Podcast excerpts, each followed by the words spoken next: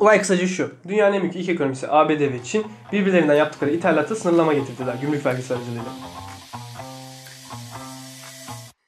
Son aylarda dünya gündemini sarsan bir gelişme oldu. Bu da ABD ile Çin arasındaki ticaret savaşları. Evet şimdiki konuğumuz ticaret uzmanımız Ömer. Merhaba Ömer. Merhaba Akif. Bu ticaret uzmanlığı sana nereden geliyor? Babam esnaf abi. Oo, çok iyiymiş hadi başlayalım. Bu kavga ne zaman başladı? Kavganın başlangıcı 2018 Mart. Donald Trump 2018 Mart'ında çelik ve alüminyuma e, gümrük vergisi koydu. Bunun karşılığı olarak tabii ki Çinliler de boş durmadılar ve onlar da aynı şekilde gümrük vergisi koydular. Hikaye bugüne kadar kızışarak gitti. Daha da yükseldi bahis. Ve bugün geldiğimiz noktada iki ülke arasındaki toplam ithalat hacminin yarısından fazlası vergilendirilmiş durumda. Peki bu savaş neden başladı? Savaşın başlama sebebi şu. Şimdi e, 600 milyar dolarlık bir hacimden bahsettik. Bu Türkiye gayri, gayri safi milli hasılasının %75 civarına denk geliyor. Ciddi bir sayı.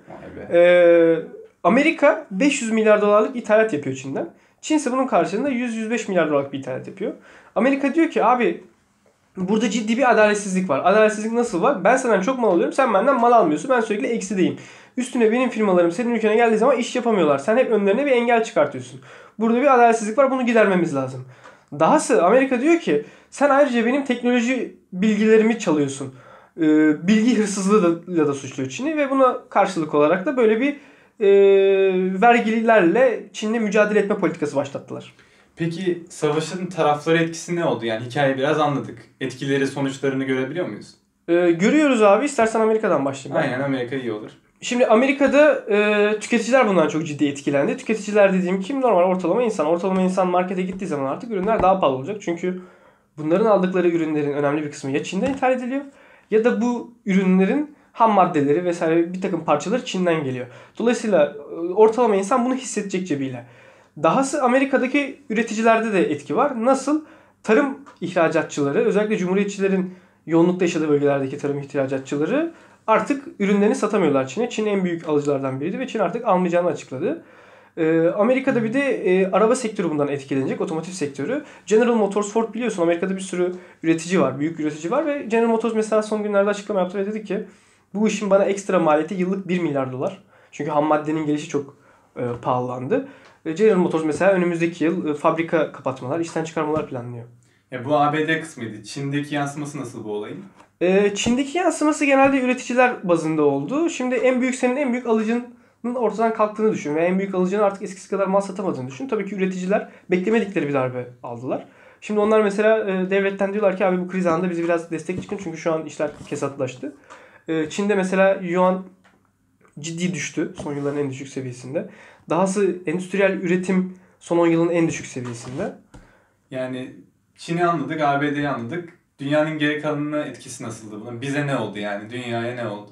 Dünyaya şöyle oldu abi. IMF diyor ki siz bu kavgayı böyle devam ettirirseniz bu kavga bütün global ticareti etkileyecek. Çünkü bunlar en büyük iki aktör olarak aslında bunların etkileri e, şirketleri vuruyor. O şirketler zaten uluslararası şirketler. Bunlar başka yerlerde de iş yapıyorlar. Dolayısıyla bütün dünyayı etkileyen bir süreç. Bütün dünyadaki global trade'i, global ticaretin büyüme hızını düşüren bir şey.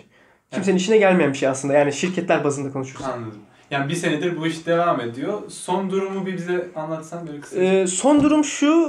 e, iki lider Aralık'ta G20'de bir araya geldiler durumu konuşmak için ve ateşkes anlaşması imzaladılar. Bu ateşkesin şartları şu. 90 gün boyunca kimse yani Mart'a kadar e, kimse yeni bir adım atmayacak, yeni bir vergilendirme yapmayacak. Mevcut durum korunacak ve Çin iyi niyet göstergesi olarak da ABD'den mal alımlarını arttıracak. Bu 90 gün içinde bu iki ülkenin anlaşmasını bekliyoruz. Ee, Şimdi ticaret uzmanı Ömer. Sana o sıfatla soruyorum bunu.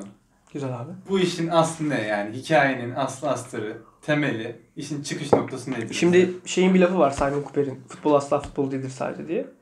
E, ticaret de öyle. Ticaret asla tek başına bir mal alışverişi değildir. Bunun e, politik bir yansıması da oluyor.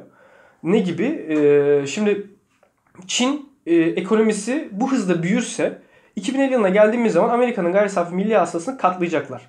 Ve bu bunun da bir sonucu olarak global hegemon olan Amerika'yı siyasi olarak da tehdit edecek Çin. Çünkü bu ekonomik güç siyasi güce dönüşecek ve e, Amerika'nın liderliği ciddi bir şekilde muhalefet edilip ciddi bir şekilde düşme tehlikesiyle karşı karşıya kalacak. Amerika bundan korkuyor. Zaten Çin hali hazırda da ekonomik gücünü siyasi güce dönüştürmeye başlattı.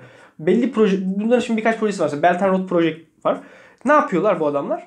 Bu adamlar Avrupa'da, Asya'da, Pasifik'te, Latin Amerika'da yatırımlar yapıyorlar. Altyapı yatırımlar yapıyorlar. Gidiyorlar ülkelere diyorlar ki alın abi bu parayla işte biz size köprü yapacağız. Biz size yol yapacağız, liman yapacağız. E, hikaye, anlaşmalar çok güzel gözüküyor alıcı ülkeler için ve ülkeler de kabul ediyor. Ama bunun belli sonuçları oluyor. Ne? Ekonomik bağımlılık. Amerika diyor ki siz bu, buna borç diplomasisiyle yani bunlara siz borç vererek kendinize bağlı yapıyorsunuz. Bu bağımlılık tabii ki siyasi bağımlılığa düşüyor. Amerika buna karşı. Sadece Amerika'da değil. Mesela Çin'in Papua Yeni Gine'de de yaptırımları var. Bu da mesela Papua Yeni Gine e, Avustralya'yı rahatsız ediyor. Bunların eski kolonisi. Diyor ki siz buradan çıkın abi. Biz onlar yatırımları arttırıyorlar. Yani Çin'in aslında revizyonist bir güç olarak şu an mevcut statükodaki güçleri e, rahat e, güçlerin etki alanına girmesi, büyümesi, etkisini arttırması rahatsız ediyor herkesi. Dolayısıyla bunu engellemeye çalışıyorlar aslında. Yani çok güzel anlattın hikayeyi. Teşekkür ederiz. Eyvallah. Bir de şey duyuyoruz sürekli. Thucydides trap mi öyle bir şey bahsediyorlar bu olayı anlatırken. Onu da Doğru Thucydides, Trap. Şimdi Thucydides kim? Ee, ilk tarihçi. Bu adam şey savaşını Atinalılarla Spartalılar arasındaki savaşı yazmış. Peloponnesian War diye. Ee, savaşın nedeni olarak adam diyor ki Atinalıların yükselmesinin korkusuyla Spartalılar o zamanki dominant güç olan Spartalılar şey diye düşündüler. Bu adamlar gelecekler bizi alaşağı edecekler. Ve bu yüzden de savaş kaçınılmazdı diyor Thucydides. Thucydides'in teorisi bu. Şimdi bunu biz dünyaya uygularsak e, bu Thucydides Trap'i ortaya çıkaran adam diyor ki dünyaya uyguladığımızda bunun 16 case'i var. E, yük, bir dominant bir güç var. Bir de yükselen bir güç var. Dominant güç kendini tehdit edilmiş hissediyor. Diyor ki bu 16 case'in 12'sinde savaş çıkıyor. Yani Thucydides Trap bize diyor ki e, şu anda da bu, bu case şu an Çin-Amerika arasında da uyuyor. Çin-Amerika hikayesinin sonunun savaşla bitme ihtimali istatistik olarak savaşla bitmeme ihtimalinden daha yüksek. Ha, burada şöyle bir güzellik var. Şimdi bu 16 case'den 12'sinde savaş çıkmış dedik. Savaş çıkmayan 4 case'in 3'ü son 100 yıldaki case'ler. Neden? Çünkü artık nükleer diye bir şey var. Ülkeler birbirleriyle o kadar rahat savaşamıyorlar. Dolayısıyla bu hikayenin de savaşla bitmesi aslında kolay değil. Aslında kitlesel bir delilik hali gerektiriyor. Çünkü iki ülkede birbirini nükleerle yok edebilir. Teşekkürler Ömer. Ben teşekkür ederim.